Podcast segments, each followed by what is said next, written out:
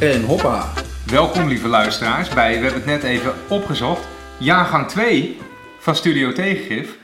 Aflevering 24 toch Wouter? Yes, aflevering 24, Randy. Seizoen 2. toch- Seizoen 2. Ja. Ik, ben, eh, ik ben best wel een beetje trots hierop eigenlijk. Ja, we hebben het een jaar volgehouden. Ja. Ja. En waar ik ook trots op ben, is eh, de titel van de demo die we toen hebben gemaakt. Ja, hoe heette die ook alweer? Wouter, Aflevering 0. Wouter. De aflevering 0 De van onze, van Studio Tegengif. onze podcast. Die heette De Demo. De dividendbelasting wordt afgeschaft. Vraagteken. Ja, en daar gaan we het weer even over hebben, denk ik. Als gekte van de week. Ja, want misschien mag ik eerst even dat fragmentje erin eh, gooien. Ik heb een fantastisch fragmentje gehoord waarin eigenlijk ieder lid van de regering dat ertoe doet. Ik kan ze nog steeds niet allemaal opnoemen, want het zijn toch al een beetje. Op een gegeven moment wordt het een beetje passant, maar even dat terzijde. Ieder lid wat er een beetje toe doet, loopt te schutteren voor de microfoon. En let even op Rutte, die een beetje, beetje gek praat, alsof hij toch één glaasje wijn te veel heeft gehad bij de lunch. Oké, we gaan even luisteren. Lastig is het natuurlijk wel om deze maatregel goed uit te leggen. Dat valt echt niet mee. Maar lastiger zou het zijn om te moeten uitleggen: deze bedrijven zijn verdwenen. On our watch.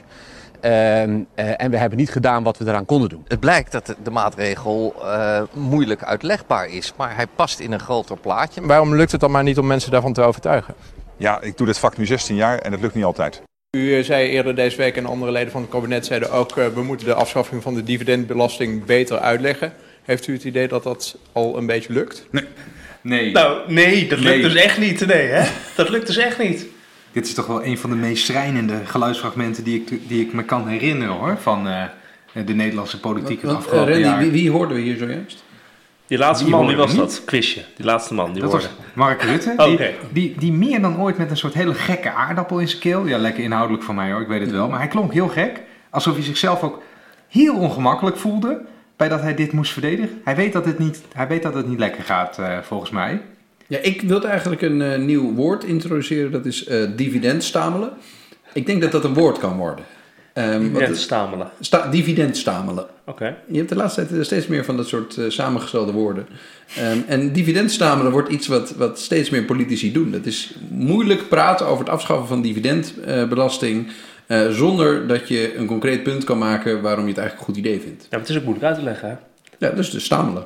Ik vind vooral, eh, even, even inhoudelijk, ik vind vooral de ChristenUnie, die, eh, die doen geen enkele poging meer hè, om, eh, om er nog wat van te maken. Die zeggen gewoon, ja, het staat in het regeerakkoord en anders valt de regering. Oh. Je zou ook een keer kunnen overwegen om je poot wel stijf te houden. Hè? Ja, vooral nu. Kijk, dat is dus, we hadden net over dat dit de tweede, of, eh, het tweede seizoen is. Dat de eerste aflevering mee begon. Maar in dat jaar, wie zich allemaal tegen deze maatregel gekeerd hebben. Ook afgelopen week. Is Ja, daarom is het eigenlijk iedereen- nieuws, hè? Want Iedereen wie is allemaal? tegen. Zelfs Eh, Britse aandeelhouders, ja. die de zogenaamde begunstigden zijn van deze maatregel, die zeggen, nee, we zitten hier helemaal niet op te wachten. We hebben wel een ander wensenlijstje, maar dit is totale onzin. Precies. Marieke Stellinga, NRC. Volledig tegen. Geen oranje gevoel, want ja, het gaat alleen maar over de multinationals. Oranje gevoel is ook het bredere bedrijfsleven. Martin Vissers, die mooi eh, in de Telegraaf een column had... waarin hij een nep-interview met eh, Mark Rutte eh, had. En zei van... van die Mark Rutte die zei... ik heb het gelezen, Ja, we hebben hè? beloofd. Aan wie dan? Aan de kiezer? Nee, niet aan de kiezer. Als je al nu niet Als je al leven. nu niet leven. Echt iedereen was tegen. En er kwam dus deze week natuurlijk ook nog bij dat werd gezegd...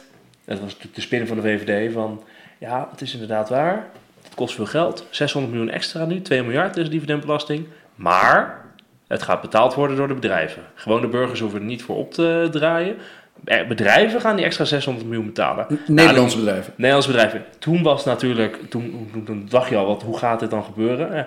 En volgende ochtend ook meteen AD, eh Algemeen Dagblad, voorpagina, eh, MKB Nederland. hè, van joh, de kleine, minder kleine bedrijven gaat dit echt niet betalen. LTO, de boeren, wij gaan het echt niet betalen. Want ja, twee- die dividendbelasting is alleen maar voor de, voor de multinationals. Ja, precies. En dan, dan gaan dus de enige bedrijven die nog belasting betalen, die moeten het dus betalen. Dat zijn de MKB'ers. Ja, precies. En nu? En die hebben net, die hebben, er is ook een btw-verhoging geweest. Ook nog. Die hebben een btw-verhoging eh, voor de kiezer gekregen. En dan wordt eh, heel heerlijk verteld dat zij het wel even kunnen dekken. Ja, Maar wat, het- wat, wat denken, Wouter, wat, denk, wat denken ze nou dan eh, in de treffzaal? Waarom eh, gaat hier niet gewoon een streep doorheen?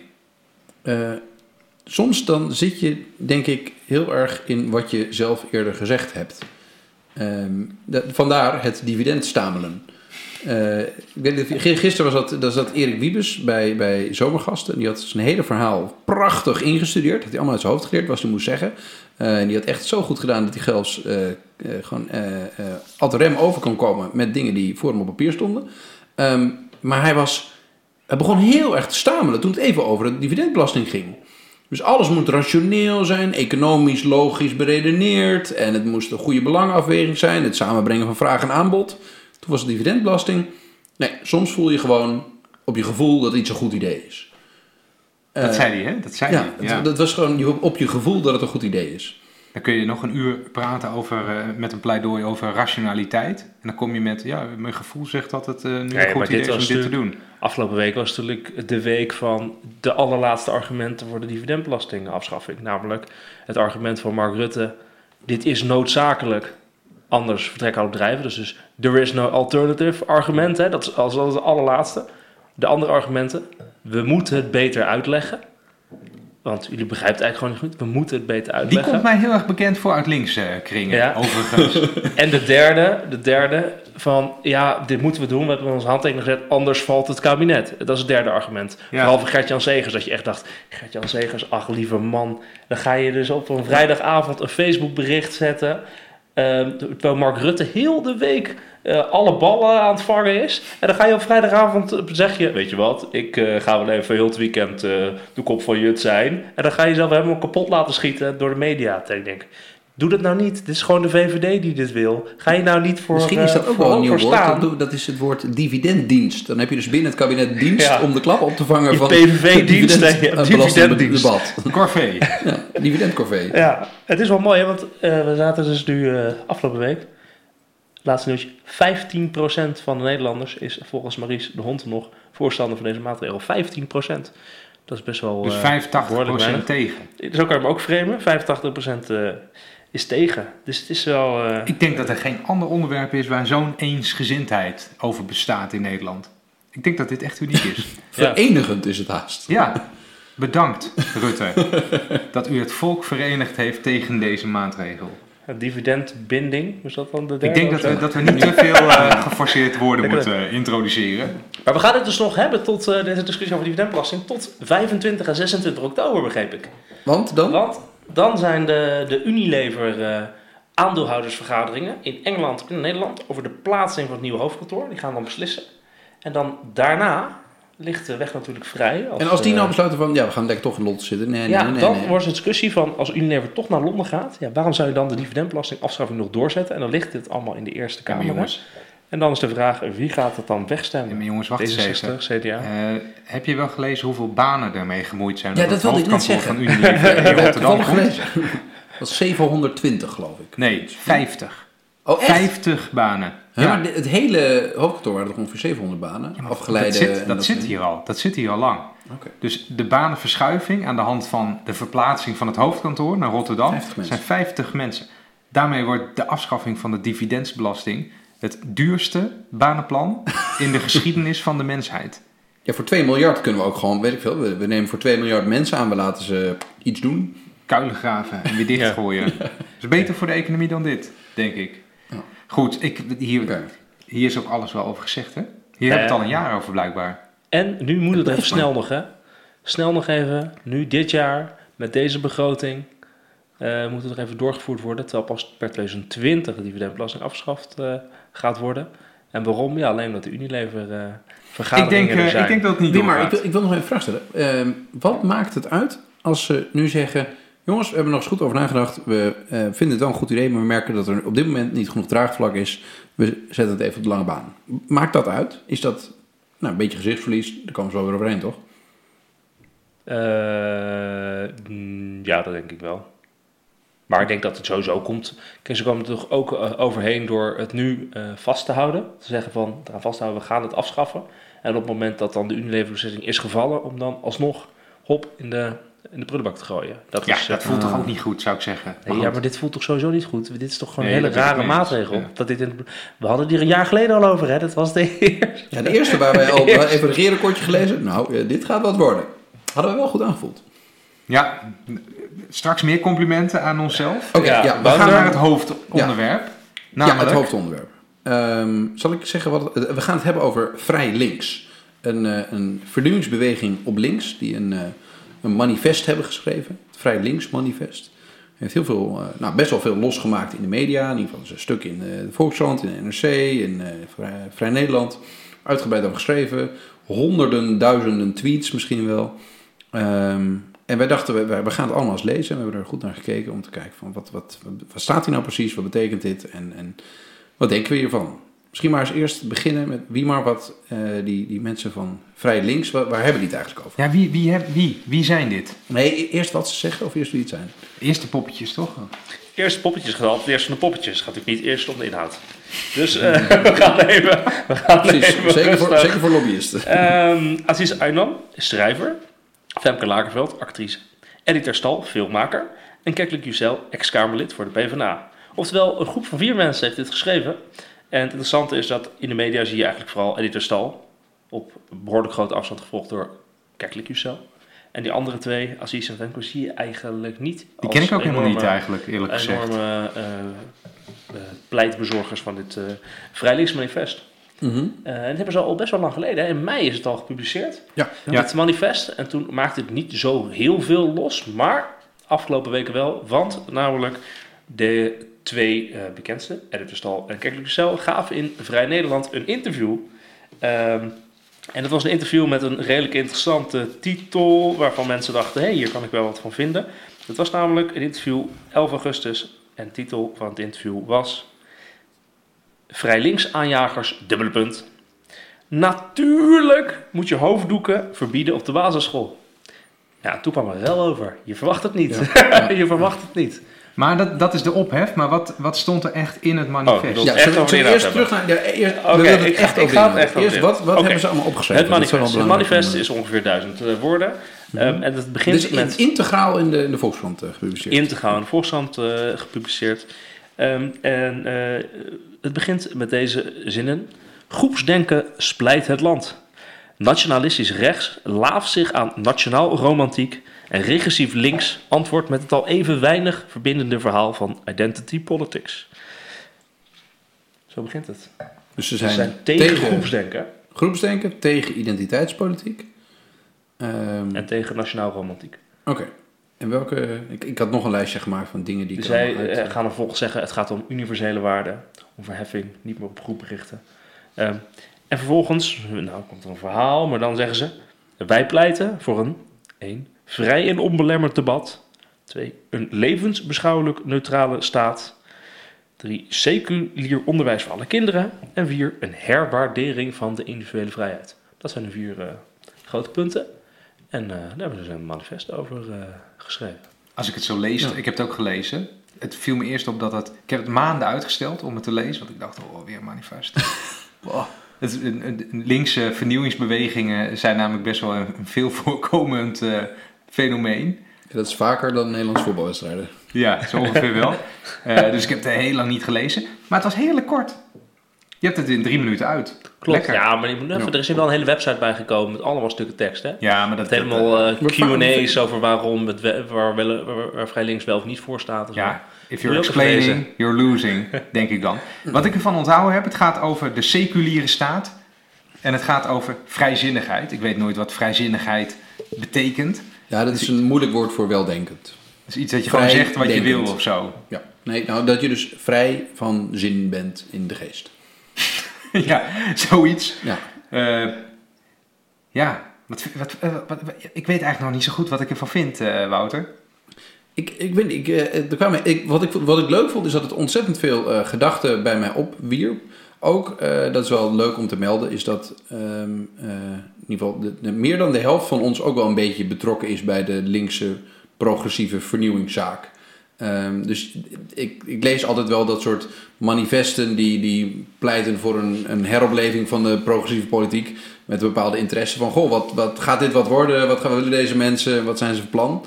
Ehm, dus ik, vond het heel mooi dat het wel veel aandacht kreeg. Ehm, maar inhoudelijk waren eigenlijk twee dingen. Ik denk, ik vond, daar, kunnen we het over hebben. Maar de eerste was dat het allemaal hele open deuren waren die werden ingetrapt. Waarvan ik dacht, ja, nou dat vind ik ook. Oké, klaar. Eh, maar dat is niet iets waar ik van wakker lig of wat ik denk dat het eh, de maatschappij gaat veranderen. Ehm, en de andere kant denk ik dat heel veel, dat is dus waarom het van die open deuren zijn, is dat de analyse heel goed klopt, maar dat het een oplossing voor geen probleem is. Dus dat het eh, leuk is om te noemen dat vrijheid, seculier onderwijs, een neutrale staat, individuele vrijheid, dat dat belangrijk is in Nederland. Dat vind ik ook. Maar dat lost niks op. Ehm, en, en, maar, eh, eh, maar dan nog eventjes, eh, dat denkende, werd ik daarna weer een beetje pissig over mijn eigen gedachten. Dat ik dacht, shit, Wouter, ik zit nu weer ehm, direct negatief te reageren op een, tenminste een initiatief aan de progressieve kant. Om om eh, mensen bij elkaar te brengen en te verenigen rondom een mooie gedachte van individuele vrijheid. Het is een beetje een gesprek tussen Wouter en Wouter. Ja. en toen was ik eigenlijk dus... Ik, ik was weer... Je hebt, we hebben op, op een gegeven moment een mooie term is zuur links. Dat, is een beetje, dat zijn mensen die aan de, de progressieve kant van het spectrum... eigenlijk alles permanent afzeiken en zeggen... Ja, het is, al- is toch gewoon een keer geprobeerd. Ja. Maar dat hebben we al gedaan. Nee, dat werkt ook niet. Nou, Eh, mag ik daar even op en, en, inhaken? en ik, ik, voel, ik voelde me na het lezen hiervan, dacht ik direct zelf had ik een paar kritiekpunten. Toen dacht ik, ja, ik ben nu zelf zuur links. Misschien is dit wel gewoon prachtig bedoeld en eh, is dit eh, wel oké.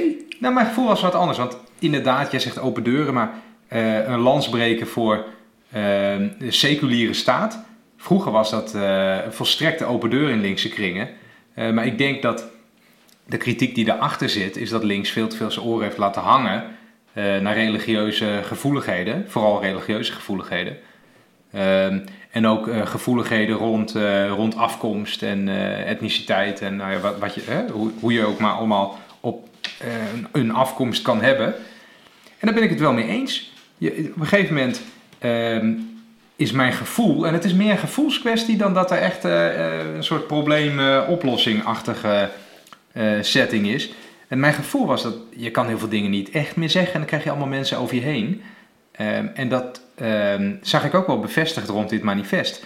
Want het is best wel, eh, ja, het is, het is best wel obvious. Ik ben het ook bijna met alles eens als ik het lees. Ja, natuurlijk moet de staat seculier zijn. Natuurlijk moeten we kunnen zeggen wat we denken. Eh, natuurlijk moeten we ons niet in groepen opsluiten, maar is het individu eh, belangrijk. En toch kwam er een bak kritiek op dit manifest. En dat, dat, dat ging echt tekeer van, ja, het is eigenlijk rechts en het is misschien wel fascistisch en het is eh, racistisch en het is anti-islam. Ja, toen dacht ik wel, nou, als het zo'n open zenuw raakt, dan zijn die, die open deuren misschien wel heel nodig. Ja, precies. Dat had ik ook. Ik Dat dacht ook, ja, ik ook. Ik dacht, wat een open deur. Ik ben het eigenlijk best wel eens met het manifest, maar je had het ook niet hoeven schrijven, want het lijkt me toch allemaal open deuren. Dat gevoel had ik in het begin. Ehm, en ik denk dat heel veel mensen er ook nog steeds zo naar kijken. Ik denk dat er vooral extreme discussie is ontstaan door dus de titel van dat VN-interview. Eh, natuurlijk moet je hoofddoekjes op hoofddoekjes. basisscholen verbieden. Ja, daar ben ik ook gewoon hartstikke tegen, want dat stond ook niet in het manifest. Hè? Dus dat is een Nee, eigen, een eh, eigen toegevoegd. eh, vertaling van het manifest. Ehm, en tegelijkertijd vind ik, ja, als je, als je een aantal open deuren publiceert en online zet en volgens komt, krijg je zo'n shitload aan kritiek over je heen. Ook op niet al te genuanceerde eh, inhoudelijke manier. Bewijst dat daarmee niet eigenlijk het eigen heel punt? erg. Bewijst het niet eigenlijk het eigen punt dat eh, links Nederland veel te veel eh, een wedstrijdje de allerliefste zijn aan het spelen is? Dus we zijn allemaal bezig om perfect, egalitair, eh, volledig progressief-liberaal en eerlijk en goed en tolerant en open. We zijn allemaal een wedstrijd aan het doen om een engel te zijn. En wie enigszins scherpte in het debat gooit, waarin hij zegt: Nou, jongens, ik vind dat we van sommige dingen best wel mogen zeggen dat het geen goed idee is. Dus ik vind een te veel op eh, conventionele leest eh, gebouwde, gebouwd onderwijs, vind ik niet zo'n lekker plan. Eh, die wordt direct gewoon kop eraf gehakt, want je bent aan het schaven aan ons ideaalbeeld. Ja, dat klopt. Ik vond dus ook. er was een super treffende column. Vond ik echt wel mooi. van mevrouw Draaier. Wie, wie is dat? Dat is een eh Elma Draaier, Draaier. in de Volkskrant. Schrijft daar eh wekelijks column, denk ik. Ik weet Ja, niet eens. Ik vind eigenlijk de columns nooit zo goed. Oké. Ik lees ze niet met plezier. Maar deze keer wel, want ze had gewoon heel erg gelijk. Het is gewoon een trucje wat je Het nou doet, hè? om extra te onderstrepen dat dit een hele goede is. Dankjewel. Elma. En, eh, en ze maakte een vergelijking. Ze zei van ja, die links-progressieve wereld. die is eigenlijk hetzelfde als eh, het streng gereformeerde milieu, die gemeenschap waar ik vandaan kom. Het is namelijk zo, er zijn gewoon eh, zware mores, behoorlijke taboes. En op het moment dat je daar dus aankomt, dan eh, word je gewoon kalt gesteld. Dat is eigenlijk wat er, wat er gebeurt. Dus eigenlijk zeggen ze gewoon, die, die links-progressieve club is gewoon een geloof. Eigenlijk misschien wel een beetje nou, een geloof. en we doen dus ook aan, eh, aan afvalligen. Die maken we dan dus ook, die straffen we, zeg maar. Dat is wat er gebeurt. En dat is precies wat je hier zag, zag gebeuren. Ik vond het wel fascinerend om te zien. Mag ik dat nog zeggen? Ja, de, Ja, echt, ja. de messen werden echt uit het vet getrokken hoor. Dat was best wel heftig. Ja, dit was geen wedstrijdje van we zijn eh, open en vrij en we doen lief tegen elkaar en eh, alles mag er zijn. Nee, maar als je dus eenmaal dus- niet meer open en lief bent geweest, dan mag je ook gewoon pats. Dan ga je Ja, eraan. maar er zijn mensen eruit. die aardiger doen. Er zijn links-progressieve mensen die aardiger doen tegen Mark Rutte dan tegen uh, Keklik en. eh Nou, maar en laten we even eerlijk wezen. Jullie zijn ook wel eens bij eh, politieke bijeenkomst, eh, bijeenkomst geweest van progressieve mensen. Ik ken ook heel veel eh, wat meer eh, conservatieve liberalen of eh, rechtse mensen. En er is weinig zo hard als, als progressieve mensen die elkaar op de vierkante centimeter eh, eh, afsnauwen omdat ze het net eventjes niet helemaal eens zijn met elkaar. Die kunnen gewoon Ja. dat kan echt tot, tot terwijl gewoon een, het oneens zijn met een rechtse VVD'er, dat, dat, dat trekken ze prima, dat is gewoon evident, klaar. Het Ja. is vaak een soort wedstrijdje van. ehm dan moet ik dat goed onder woorden brengen. Het is een soort wedstrijdje van wie is het meest zuiver op de graad. Hè, en als je dan net een, een tikkeltje minder zuiver bent, dan, eh, dan word je kapot gemaakt. Er zijn hele erge dingen uit voortgekomen hoor, uit dat soort manieren van werken. Ja, Maar Ja. toch, eh, nee, maar ik had, eh, eh, want er zit ook een hele hoop kritiek op dit, dit, die beweging, dit manifest, waar ik best wat in vind zitten. Mag ik eerst? Mag ik eerst? Ja, tuurlijk. eh. Het, de, de samenvatting van alle kritiek op dit stuk van, van alle kritiek die op, op, op het vrij linkse manifest kwam. Namelijk, er zat net te lezen, die, het verhaal van Floor Rusman in de NRC. Met haar vijf argumenten die worden gebruikt om dus eh, Eddie de Stal en Kijk Michel na een interview in Vrij Nederland kapot te maken. Het waren echt, echt gewoon de, de briljante. En nu mensen even goed ja nee zeggen. een stukje, stukje je nu. Met stemmetjes graag. Met stemmetjes. Eerste reden waarom je tegen Vrij Links manifest bent. Dit is fascisme. Ehm, waarom? ja, het is gewoon eh, tegen het geloof. Eh, en uiteindelijk krijg je hier een fascistische staat van. Kijk hoe er nu gesproken wordt over inderdaad eh, hoofddoeken verbieden op basisscholen. En ehm, het is, zegt van, ja, deze respons zien we eigenlijk nou, bij conservatieve moslims als bij de progressieve types die meteen zeggen alles wat vervelend is, is extreem rechts. Dat gebeurt. Dat was het argument wat je heel vaak zag. Ja, veel Er waren gelezen. ook. zelfs, eh, waren zelfs mensen die besloten om Edith de Stal met eh, Jean-Marie Le Pen te vergelijken op Twitter. Fascinerend. Dan heeft hij nog wel veel, een, een lange weg te gaan. Oké, twee. twee. Argument Ik twee. denk wel dat Eddie Terstal trouwens betere films maakt dan Jean-Marie Le Pen. Nee, laat maar. Argument 2. Dit speelt de vijand in de kaart. Sommige rechtse lieden prijzen het manifest, vrij links, dus moet het wel fout zijn. GroenLinks-Kamerlid Zini Usdeel, die vrij links steunt, noemde dit argumentum ad clitorum. Alles waarmee Paul Cliteur zou kunnen instemmen is verdacht. Ik vind het wel... Wel mooi gevonden. Dit is een, een, een, een intellectueel hoogstandje van, eh, van dit Kamerlid Zini. Ik ben ervoor. Ja, die komt vaker goed voor de dag, hè? Ja, doet hij goed. En ik herken dit goed. ook, want ik zag zo'n stukje van Marijn Oud-Namse en, die ze- en het kwam erop neer. Rechts zegt dit ook, dus het deugt niet. Nee, dat is raar, hè? Ja, het was een heel lang stuk, dus ik heb ook niet goed gelezen. Dus misschien, eh, het was te lang. Je hebt het ook gelezen, toch Wouter? Ja, ik ben het ook niet met je Ja. eens. Maar Oh. Oké, argument 3, waarmee je eh vrij links kan afkraken. De boodschapper is een witte man. Oh ja, ja. Ja, maar dat is, Eh, dat is niet eens nee. zo. Dat vind, ik dus zo, dat vind ik heel grappig. Jawel, want die anderen zitten er alleen bij, zodat Ja. Terstal niet alleen maar een witte man was. Ja, die Rusman Dat die schrijft niet, dit. En het is al goed. De vier auteurs van het manifest zijn er twee mannen en twee vrouwen wit en gekleurd. Toch valt men vooral Eddie Terstal aan. De anderen zijn kennelijk nog te achterlijk om zoiets kwaadaardigs zelf te kunnen bedenken. Ja, dat is ook een soort racisme, hè? Dan spreek je eigenlijk jezelf tegen. Omdat je daarmee zelf aanneemt dat die andere twee te achterlijk zijn. Ja, precies. Eh, wat je eigen eh, eh, denken over groepen die allemaal gelijk aan elkaar zijn, ook een beetje tentoonspreidt. Ja. En het vierde en laatste argument, en dit dat is een klassiekertje. Waarom hebben ze het niet over inkomensgelijkheid? Dat, dat valt het wel het beste samen. Ja, ja dat, vind ik, dat is mooi. Die gekoord altijd. Als je iets cultureels zegt in linkse kringen, dan is meteen, ja, maar het gaat om economie. Dat is altijd het eerste argument.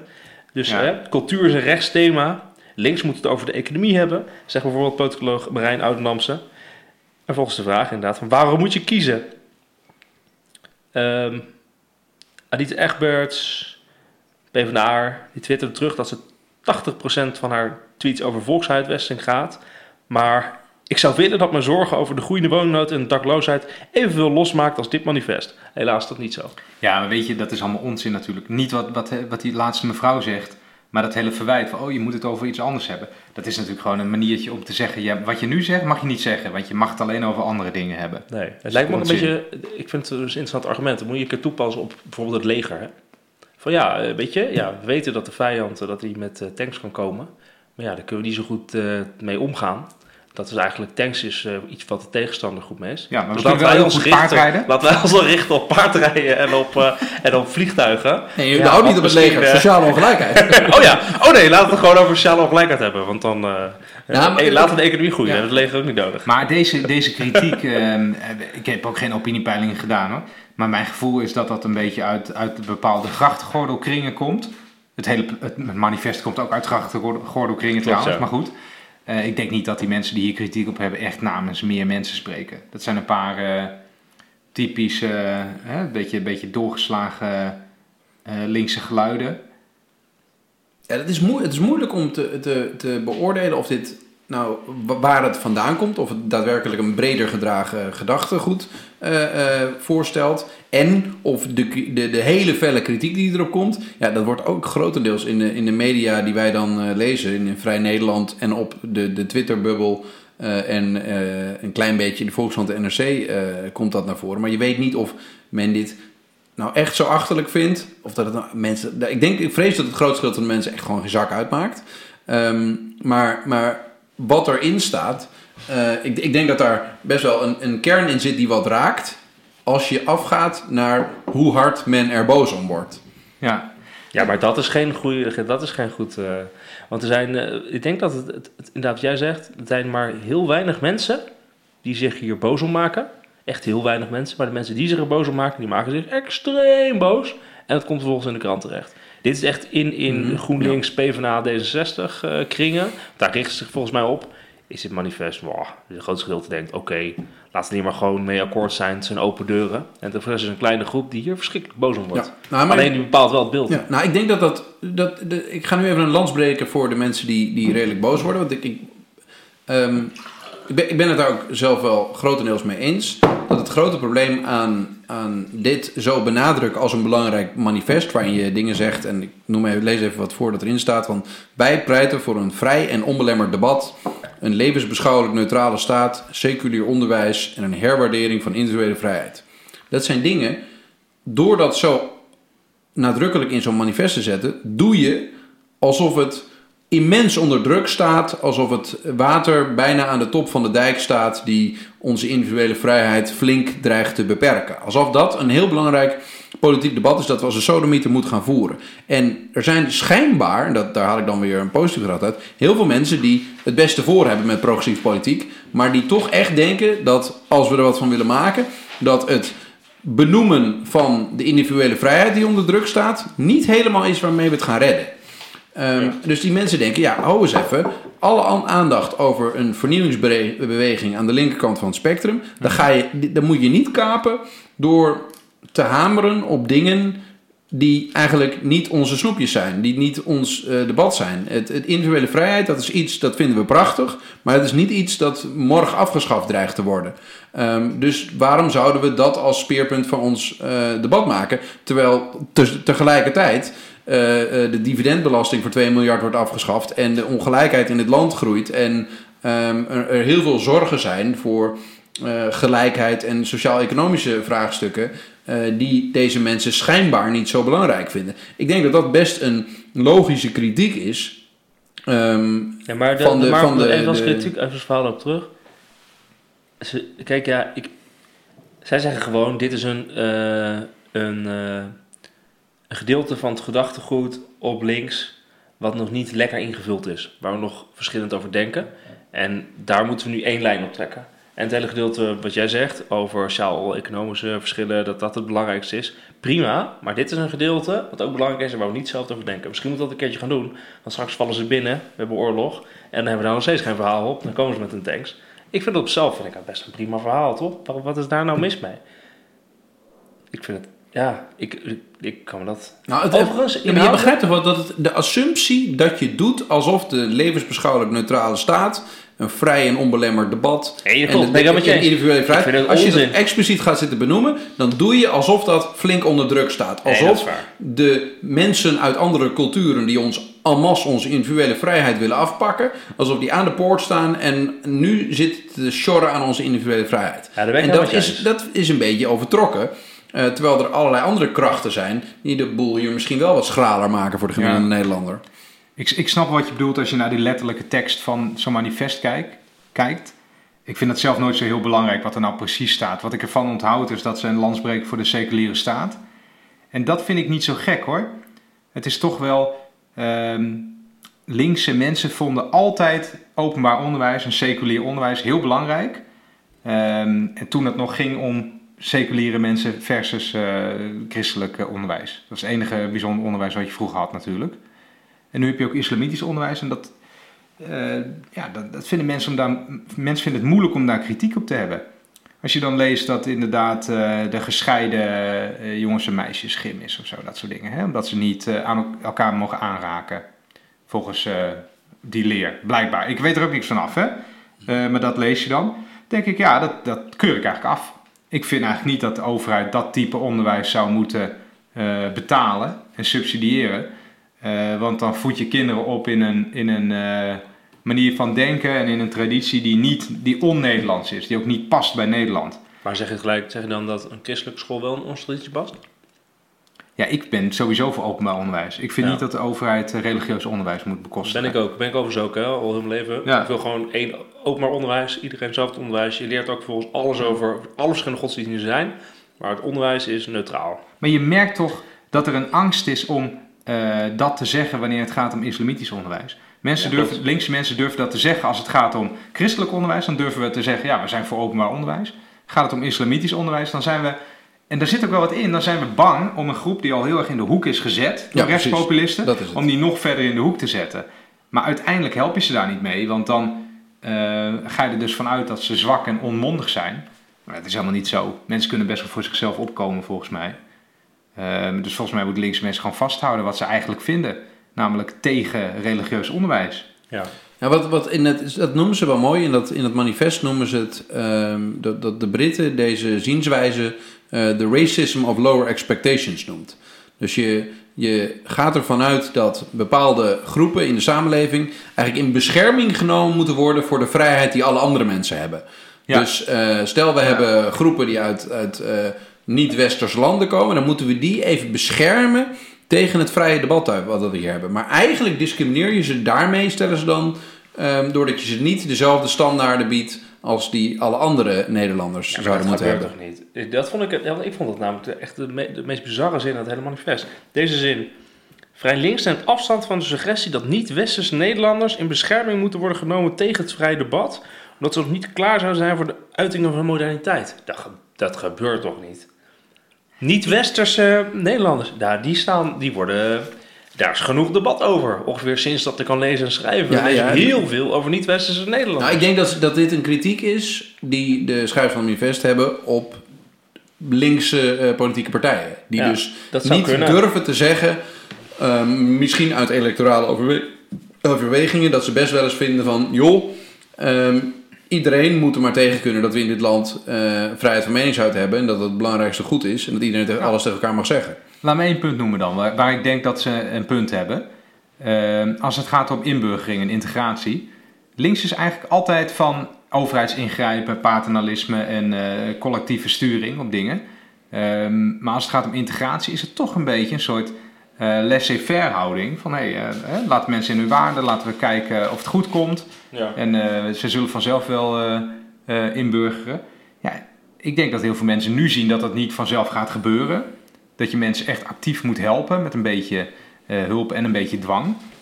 eh, om te integreren, om de taal te leren. Ja, en dat is toch uit een soort. Ja, we willen mensen niet ver. Dat is mijn theorietje dus. We willen mensen niet verder in de hoek zetten. Dus we laten ze een beetje met rust. Met als gevolg dat soms in de derde generatie men nog steeds ehm, eh, geen goede aansluiting heeft bij de Nederlandse samenleving. Ja, en daar, daar, daar verlaat links dus zijn eigen principes een beetje Mhm. uit angst te kwetsen. Maar ja, dat is geen exacte wetenschap. Dus ik zeg dit Ja, nou wel, ik kan het ook Het niet zijn, het, zijn, aantonen. het is heel moeilijk, eh, die, die, die aannames die er allemaal in zitten. Ehm, wel, eh, er, er waren wel, ik, ik vond het wel leuk om even op te zoeken van iemand die echt heel boos was. Is eh, de, de door mij eh, meestal zeer gewaardeerde politiek historicus Marijn Oudenamsen. Ehm, die, nou, die heeft een, een immense Twitter-rant geschreven met allemaal reacties eh, op het vorige wat hij schreef. Ehm, waarin hij concludeert dat Vrij Links eigenlijk niet te onderscheiden is van atheïstisch, anti-islamitisch rechts. En vindt dat ze dat zelf, onderscheid zelf ook niet hebben. Dat het eigenlijk een Nou ja, vrij één- rechts verhaal is. Eén groot ding wat, wat Oud-Amsterdam wel vergeten is dat, dat, dat Vrij Links ook gewoon de hele tijd eh, de christelijke kerken onder vuur neemt. Als je ziet hoe zij nu reageren op ehm, die hele misstanden, de katholieke kerk en de kindermisbruik, ook met eh, Jehovah's, nu weer alle onderzoeken tegen te houden over misbruik binnen de Jehovah-gemeenschap, daar rammen ze net zo hard op, dat Vrij als op discussies over, eh, over ehm, ehm, de islam. Dus ik, ik, ja, het is een beetje goedkoop van oude Namsen.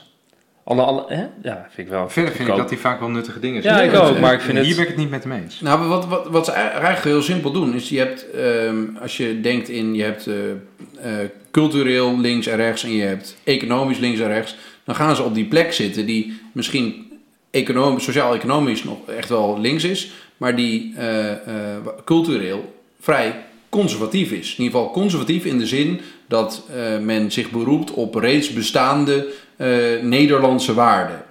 Ehm, en de, de, de algehele ideeën van eh, totale gelijkheid van iedereen en openheid, daar, daar du- durven ze niet zo aan te treden. Dus ze gaan een Nou beetje in die richting. Als jij, als jij zegt dat je ook eh, christelijk onderwijs in Nederland af wil schaffen, Ja, dat, dat dan, is dan ben je wel vrij- behoorlijk tegen, tegen de Nederlandse Maar, maar dat, dat, traditie. de, de, de, de, Er vliegt een mail. eh, Sorry, zit de- op een de zolderkamer. er we zitten wel in Den Haag.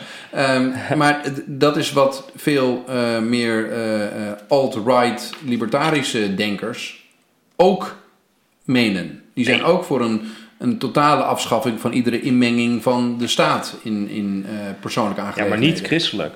Die hebben juist vaak een, een, een christelijke eh, ondergrond, zeg maar, achtergrond. En die gaan vervolgens tegen de islamieten rammen. Dat is niet wat, wat er met dit manifest gebeurt. Dit manifest gewoon, eigenlijk zeggen ze, eh, we willen vervelende godsdienstuitingen stoppen. Dus we stoppen met alle speciale behandeling van, van godsdienst.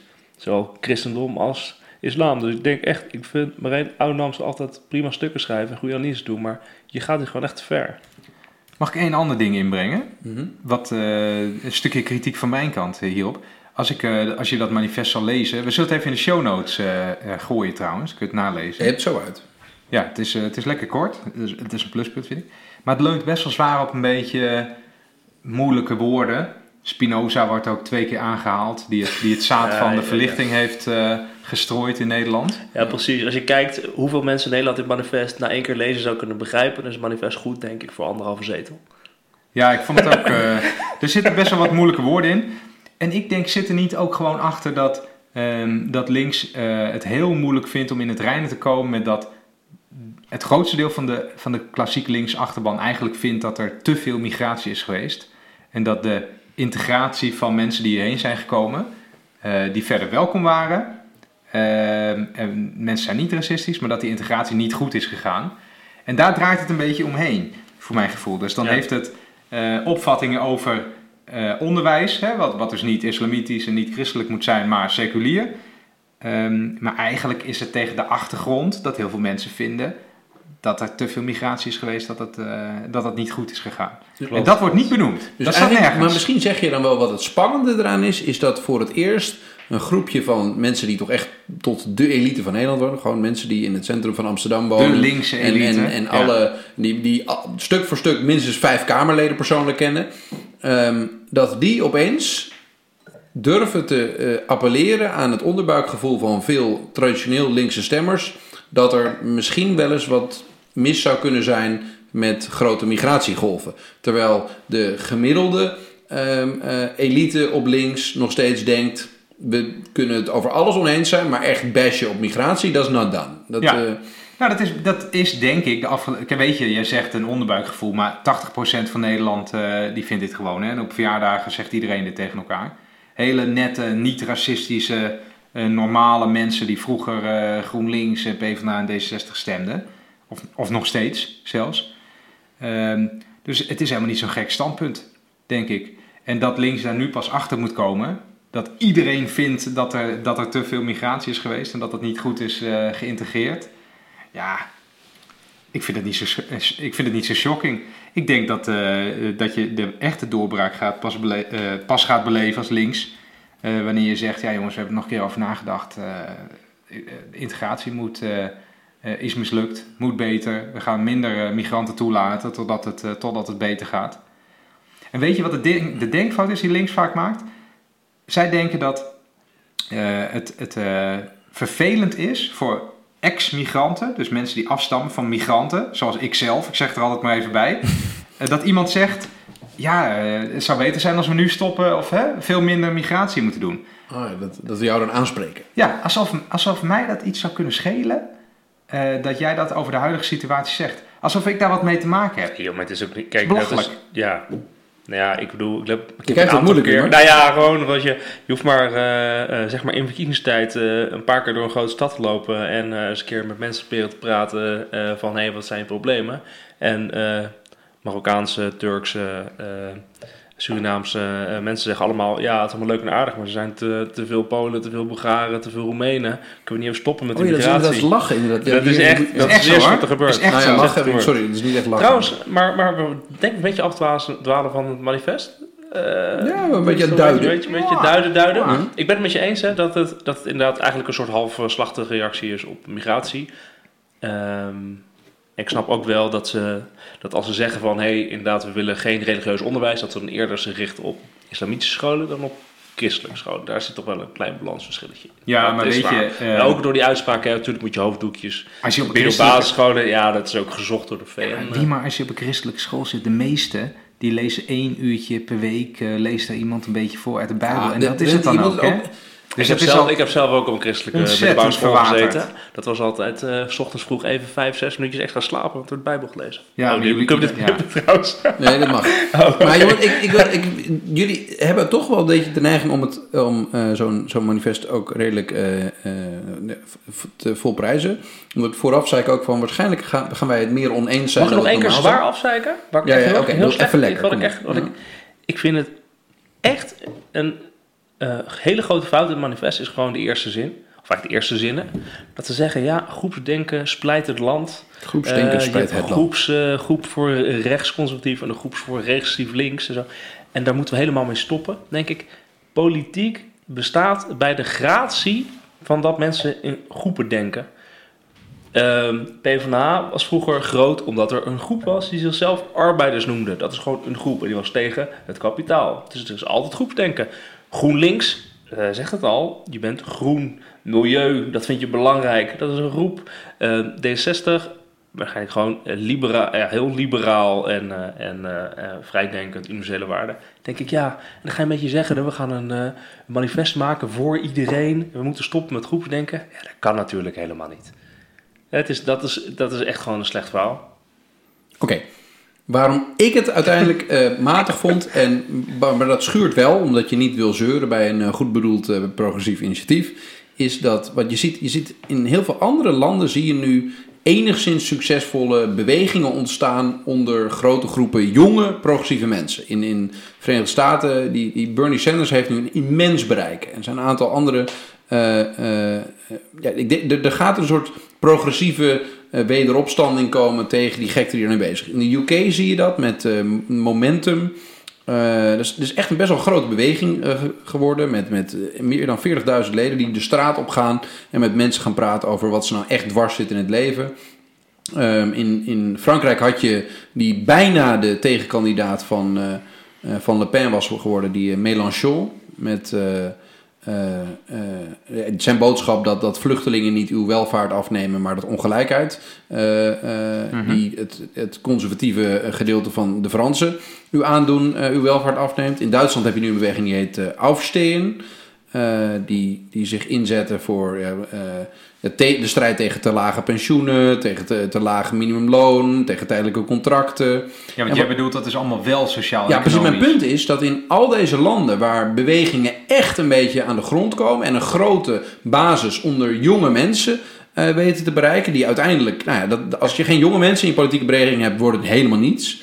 Ehm, dat zijn allemaal bewegingen die zich richten op sociaal-economische eh, eh, vraagstukken en op ongelijkheid. Gewoon op kansenongelijkheid die geboden wordt, de, de, het- de, de, het geïnstitutionaliseerde conservatieve organisatie van landen.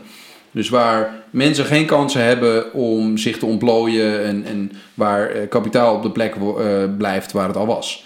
Ehm, en daarom denk ik dat je best wel leuk kan doen alsof in Nederland de individuele vrijheid heel erg onder druk staat. Maar dat gaat niet appelleren aan veel mensen.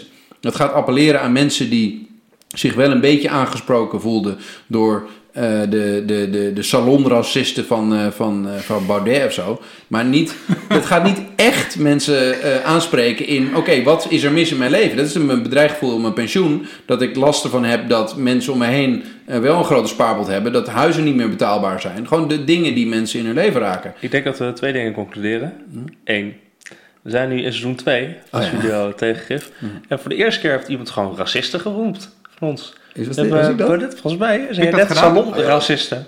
Dat, is- dat is even een doorbraak. Dat, is, dat we vrijer zouden praten vergeleken met de eerste aflevering. En tweede, je hebt net term een hele trouwens. lijst. Ja, het is, inderdaad, salonracist is wel een mooie term. Ik denk dat dat weer... Dat het weer Even als tegendenk, je hebt net een hele lijst van Duitsland is een Ja. groep eh, mensen die het opstaan is, die redelijk populair wordt. En in Engeland is dat met Corbyn en in Amerika met Sanders. En, maar die groeperingen hebben nog allemaal geen enkele verkiezing gewonnen. Ze zijn allemaal Nee. minderheid. Ze verliezen alles. Dus er is Nou, heel veel energie, maar ze een verliezen. punt, dus ja. mijn verhaal, ik ben, ik ben het helemaal met je eens dat het super belangrijk is. Ik ben het helemaal met je eens dat het verhaal moet doen. Ik ben het helemaal met je eens dat je daar een eh, misschien wel je speerpunt van moet maken. Maar als je geen verhaal hebt, of als je uit elkaar gespeeld kan worden op sociaal-cultureel, dan heb je een groot probleem. Zie je wat er nu met Corbyn gebeurt op zijn, eh, op zijn eh, Brexit, eh, nee, op zijn discussie over Israël en Oh ja. dergelijke. Die wordt daarop kapot Ja. gemaakt. Ehm, dus ja, je kan wel zeggen van we het alleen maar hebben over economie en daar gaan we verkiezingen winnen. Het, feitelijk kan dat niet kloppen als je kijkt wat er de afgelopen jaren gebeurt door linkse partijen. Ook die goede voorbeelden, want ze verliezen allemaal. Ja, maar dat, dat is toch. Ik, vind dat, ik ben het helemaal met je eens. Ik vind het zo logisch. Je kan niet zeggen van we willen het alleen maar over economie hebben. Dat is net als die, die analogie met het leger wat je net maakt. Ja, van jongens, ga niet op kunnen de tank zetten, kom Ja. maar gewoon met vliegtuigen. val ons, eh, we... val ons alleen over de linkerflank aan, want de rechterflank is helemaal open. Je moet iets vinden van cultuur. En daar laat links toch wel liggen. En inderdaad ook die bewegingen die je noemt, die nog nooit de verkiezing hebben gewonnen. Dat is ook altijd wel een beetje tricky met links. Hè? Dat we alles wat nieuw is, dat bestempelen we Nou, dan je- tot, je moet dit wel is de toekomst. Vergeten dat de landen waar het echt naar de ellende is gegaan, eh, Portugal, eh, Griekenland en Spanje, daar heb je dus wel partijen die echt eh, eh, een verkiezing flink gewonnen Ja, dat betekent dat je Ja. eerst de co- economie helemaal kapot moet maken en Moet- dan kan je als links ja. winnen. Dan kan je als links flink winnen. Ja, dan moeten we de dividendbelasting toch niet afschaffen. Hè? Ja. Dat is alleen maar goed voor de economie. Maar ik denk, ik denk misschien... Ah, ik wil wel eens een keer naar een vrij links bijeenkomst. Of hebben die bijeenkomsten? Ze hebben bijeenkomsten, hè? Ja, ze hebben geen agenda op hun website staan. Misschien hebben ze wel leuke Ja, we gaan even, we gaan even Keklik eh, appen. Of Mhm. eh, op, op Twitter even een berichtje sturen zo of een keer eh, langs mogen komen. Zullen we dat een keer doen? Tuurlijk, Ja. ik er langskomen. Ja. Bij deze een oproep. ja. Maar wat mij dus opvalt, als je mij vraagt wat zijn de twee grootste politieke problemen nu, eh, waar links zich bezig mee zou moeten houden, eh, dan is het dat eh, migratie niet eh, zo lekker meegaat en dat Europa niet zo lekker gaat. Ehm, en daar gaat, daar gaat het allebei nog niet echt op in, vind ik. Het gaat in op de bijeffecten van migratie. Namelijk dat hier dus heel veel mensen zijn die eh, andere culturen hebben. Hoe we daarmee om moeten gaan. Eh, maar het gaat niet over, eh, over de, de, de grondoorzaak. Namelijk het beleid waarbij heel veel mensen hier binnen kunnen komen. En zijn gekomen. Ja, ik ben het bezig. Die, Oh, ik helemaal niet. Nou, in de zin van één ding bijvoorbeeld waar we met z'n allen met een grote boog omheen lopen, is eh, we hebben in Nederland en eigenlijk in heel de wereld een groot probleem van vergrijzingen. grijzende bevolking. betekent dat we heel veel met elkaar moeten betalen. Omdat mensen, die mensen ook natuurlijk moeten eten, drinken en zorg moeten krijgen en zo. En moeten wonen. Dat betekent dat het eh, moeilijk is met je economie. Dat betekent dat je meer mensen in je economie wil hebben om hier te komen werken. Want je moet meer geld kunnen verdienen. Ja. En wat is het gevolg daarvan? En ook trouwens je gewoon ja, meer welvaart wil. Ja? Dat is de standaard oplossing natuurlijk. Meer mensen. Ja, Migratie. dat zijn dan- meer, meer werkenden. Je Dan wil je En dat mensen gaat uit natuurlijk- Polen, maar niet uit Ja, Eritrea. Nou ja, eh, nee, dat, Eh, dat is dus eh, interessant. no maar dat is maar dus dat, eh, interessant wat er nu gaat gebeuren. Dat er dus nu allemaal werkgevers gaan roepen. Er moeten meer mensen naar binnen komen, want de arbeidsmarkt is krap. Er gaan allemaal economen gaan roepen. We hebben meer mensen nodig, want we hebben een vergrijzende bevolking. En we moeten wel als economie blijven groeien. Dat zijn dus allemaal economische argumenten. Geld, welvaart en noem maar op. Aan de andere kant heb je de discussie over dat dus sociaal-cultureel, of hoe je het wil noemen... Dat er dus allemaal mensen zijn, daarmee zeggen, ja, eh, misschien vinden wij dat wel een probleem. Dus die kiezen niet zozeer voor economisch argument, maar voor het sociaal-culturele argument. En dat, is, dat gaat natuurlijk nu gewoon gebeuren de komende Maar tientallen dus, jaren. zeg je dan niet eigenlijk dat er een En soort van paradox zit in wat we al met z'n allen willen? Het is We hebben nu- extreme we hebben nu paradox. een immense Het is eh, de grote afruil zeg maar, van de komende 30 We hebben jaar. gewoon immens welvaart. Waar we niet over Je hoort het, het nieuws kan niet ophouden over dat we te weinig loodgieters, bouwvakkers, eh, verpleegsters hebben. Ehm, nou, oké, weet je wat we doen? We halen die ergens vandaan. Maakt niet uit waar u vandaan komt. Kom naar ons als u kunt bouwvakker. En er komt een discussie natuurlijk van, willen we dan wel of niet, eh, voor jou voorbeeld, eh, willen we iets, willen mensen uit Afrika of niet? En misschien zat het te grote afstand tot onze samenleving en economie. Nou, dan maar mensen uit Europa. Oké, nou, de, de Polen, de Praag. Daar krijg je ook, uiteindelijk merk je ook, afgelopen week, hè, discussie over in het Westland, het uh, Polo Hotel, de column van, eh, van de Scheffer, heb ik gelezen, over dat het gewoon eh, opnieuw is, zoals je vroeger... eh Ja. Turken salons, hè, noem je het volgens mij had. Hebben nu het Polo Hotel. We maken En precies dezelfde dezelfde fout nog een keer. We halen hier heel veel mensen heen. We investeren niet eh, in hun integratie. We denken niet goed na over hoe dat moet op lange termijn. Nee. En eh, Paul Scheffer, die noemde in volgens mij eh, die column een interessante statistiek. Hij zei namelijk, eh 90% van de bevolkingsgroei komt door migratie. En toen gingen Ja. allemaal ehm, mensen op, eh, op internet, die gingen daarop los van, ah, klopt dat wel? En die migratieprofessor, hoe heet hij ook alweer? Lucas. Ja, Eh, Leo Lucas. Leo Lucas, ja. Ja, die, die zei meteen, oh dat kan niet kloppen, dat kan niet kloppen. Eh, maar toen, toen ontstond er een beetje een soort discussietje.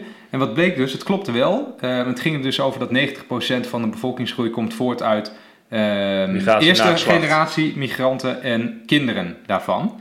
Eh, dat is dus 90% van de bevolkingsgroei. Ja, en dan, dan, dan zijn de argumenten die, die, die eh, Lucas eh, zo vaak aanhaalt van ja, in aantallen is het zo weinig. Als je het zo bekijkt, dan is het in aantallen helemaal niet zo weinig. En dan snap ik wel dat mensen die verder eh, er geen boodschap aan hebben dat ze, dat ze weg worden gezet omdat ze een incorrecte mening hebben, dat die zeggen ja, maar nu is het genoeg geweest. Maar nu hoe we jullie dan tegenaan dat dit uiteindelijk, dat de effecten hiervan, ehm, dat die ongelijk terechtkomen, dat dat uiteindelijk het probleem is waar de meeste mensen mee zullen zitten. Dat wanneer wij zeggen, oké, we hebben meer arbeidskapitaal nodig op onze arbeidsmarkt in ons land. We hebben gewoon, eh, de, de economie eh, groeit te snel om eh, de, de arbeid die verricht moet worden gedaan te krijgen met mensen die al in het land zijn. Dus hebben we migratie nodig. Dat de ontevredenheid ontstaat wanneer Ja. de benefits van die economische groei die die migratie levert, dat die bij te weinig zakken terechtkomen. En dat de mensen die uiteindelijk verdrongen worden op de arbeidsmarkt, wanneer het weer iets minder gaat, of die sowieso in een moeilijke Mhm. positie zitten, wanneer die de pineut zijn, terwijl ze wel zien dat die migranten, of die migranten nou komen uit Eritrea of uit Madagaskar of Polen, dat maakt niet uit, dat die wel een goed leven kunnen opbouwen in een maatschappij waarin zij ehm, menen te hebben bijgedragen aan het opbouwen van die vrije maatschappij.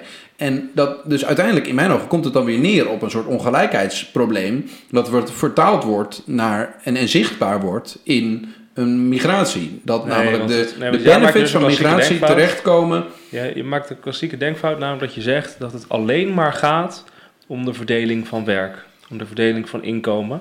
En dat dat dus ongelijk verdeeld is tussen, om het even in simpele termen te noemen, de autochtone werkende en dus de migranten werkende. Dat dan mensen boos worden over migratie. Maar dat is niet waar.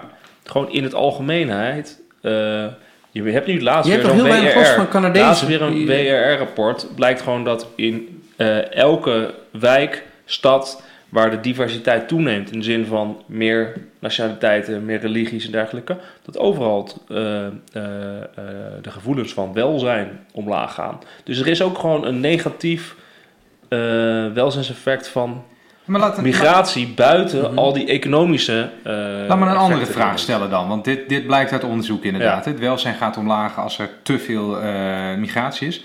Maar Wouter, vind jij dan dat de Nederlandse samenleving mag sturen op de hoeveelheid migratie die er is? Of vind jij dat we, dat, dat iets is wat eh, ons moet overkomen en dat we moeten Ik denk maar dat dit is er altijd het intellectuele dilemma wanneer je uiteindelijk zegt dat grenzen iets zijn dat we ooit in de, eh, de 19e eeuw verzonnen hebben. Eh, toen we van koninkrijkjes overgingen naar soevereine staten die eh, lijntjes hebben gelegd. En daarna gingen we over naar, naar eh, republieken. Ja, maar en die, toen, lagen, een nee, maar hele toen lagen die lijntjes erop. geeft. Dus en dan heb je het pragmatische argument van: oké, we kunnen de boel anders niet lekker organiseren. Eh, tegenover het ideologische argument: waarom zou het mensen niet vrij eh, staan om te wonen waar ze maar willen? Want het is een vrije wereld waar je kan gaan en staan waar je maar wil.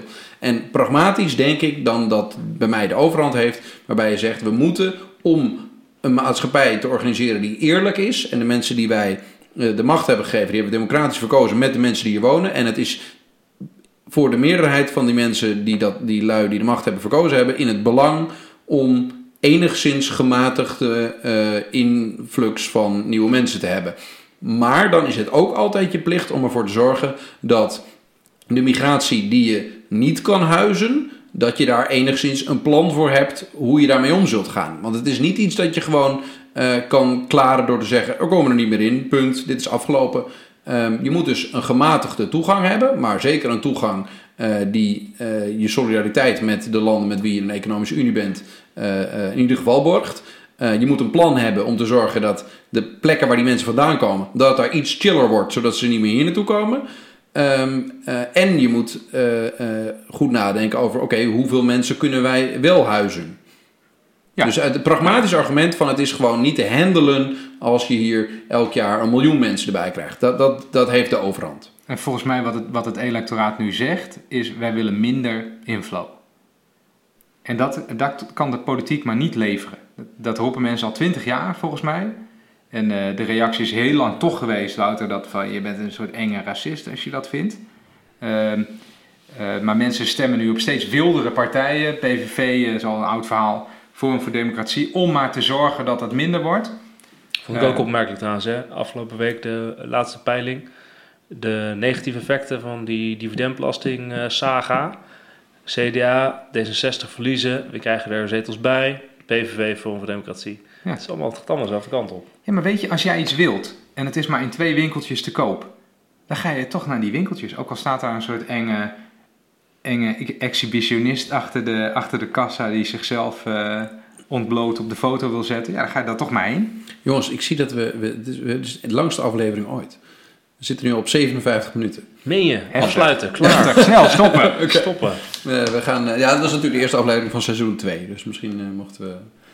ehm, Kunnen we in ja, tweeën knippen, we we zijn- twee, twee afleveringen. Ja, ja. we zijn Ja, ontaard in een hele inhoudelijke discussie eigenlijk. Ja, heel inhoudelijk. Was wel, Ja. We waren het ook voor het eerst niet een- eens. Nee, nee, nee. Dit, Of voor het dit, eerst, we kunnen nog wel even doorgaan. Maar, Het was wel een heel goed vrij eh, open debat. Ik denk dat eh Eddie Stal er echt... eh ja, hebben we een beetje zou worden. de vrij links gedachte nageleefd. Ik denk het wel. Ik denk het ook. We gaan het aan Eddie vragen. Oké. Wouter moet nog zeggen dat mensen moeten abonneren, Oh ja, abonneren op de podcast. Liken, subscriben, retweeten. Het delen. aantal abonnees is best wel gegroeid in de vakantie trouwens. Ja, terwijl we juist niks deden. Ja, Laatste gek? aflevering ging ook eh, met zoveel varkens. Als een raket. Als een raket. Maar dat was ook een lekkere aflevering. over Lekker kort ook. Ja. Ja. Yo, wat leuk.